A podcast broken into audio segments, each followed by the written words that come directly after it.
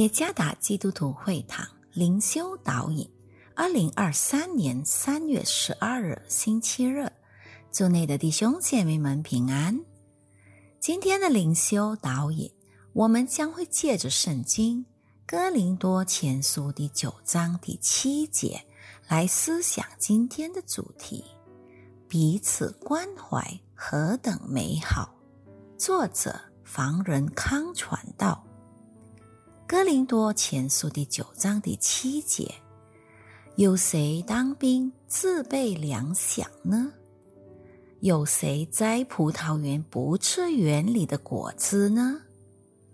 有谁牧养牛羊不吃牛羊的奶呢？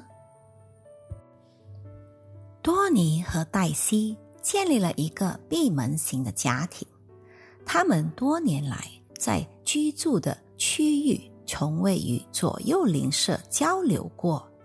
一天，多尼不幸在家里摔倒了，他的妻子黛西不得不向邻居瑞奇和露西求救。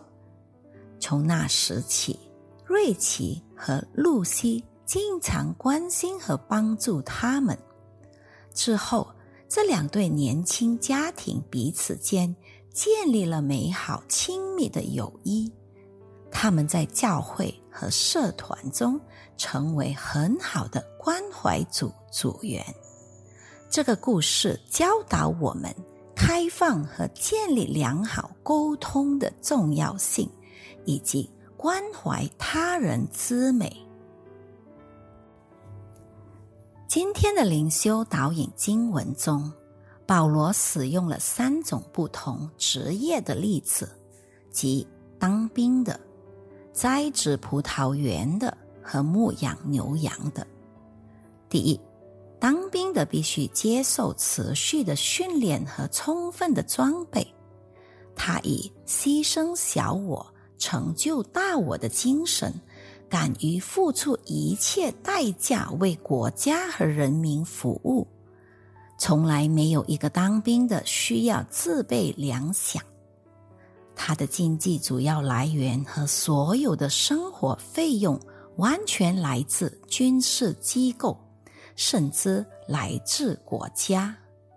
第二，栽植葡萄园的必须殷勤工作，园地就是他谋生养活自己，甚至养家糊口的地方。他必须尽职尽责，以便按时结果子，并在适当的时候享受成果。第三，牧羊牛羊的在放牧守护羊群时，往往会面临巨大的风险，例如被野兽袭击、有严寒及酷热天气的威胁。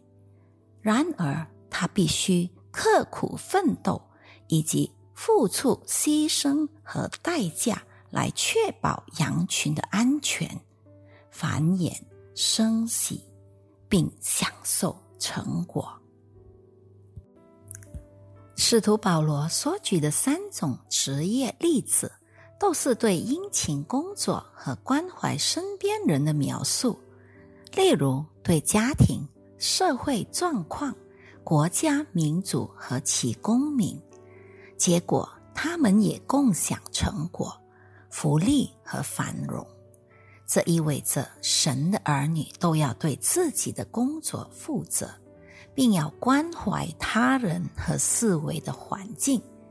一份关怀点缀了生活之美，给家庭、社区和国家。带来祝福，彼此关怀意味着互相祝福，这是我们基督徒在生活中一个活的见证。愿上帝赐福于大家。